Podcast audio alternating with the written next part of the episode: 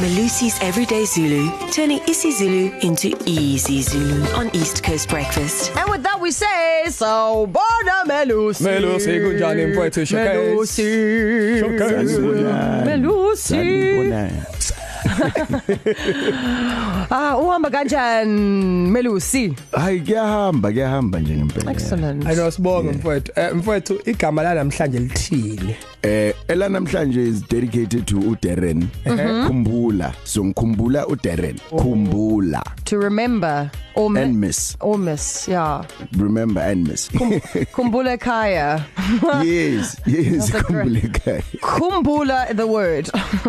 yes so it's miss and remember Mhm. right but you can khumbula somebody and not khumbula them so i can remember you but not miss you Okay. Yeah. Oh, okay, okay. So would it would it be the same as if um if I had invited you to come to my house and Sky was bringing the drinks and I would say to him, "How Sky, musa ugu ku- uh, musa ugu kumbula iwine yami." no, no. musa is don't Yeah, right so Musa is don't. so you would say So don't- khumbula iwani yami Oh, so wait, is it not forget as well? Oh, that's cool. Okay, let me try again. So Sky kumbula iwine yami, yebo Yebo 100%. just like that. 100% Okay. Uh-huh. And then my sentence would be every day, every time I watch Manchester United, I kumbula the old days under Stanley frequency.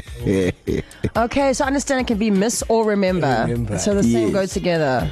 yeah Okay. That's all right. Eh? I like that word. Kumbule I mean, Kaya. I've now known it makes all my sense. life, yeah. It's like Sky's learning it for the first time.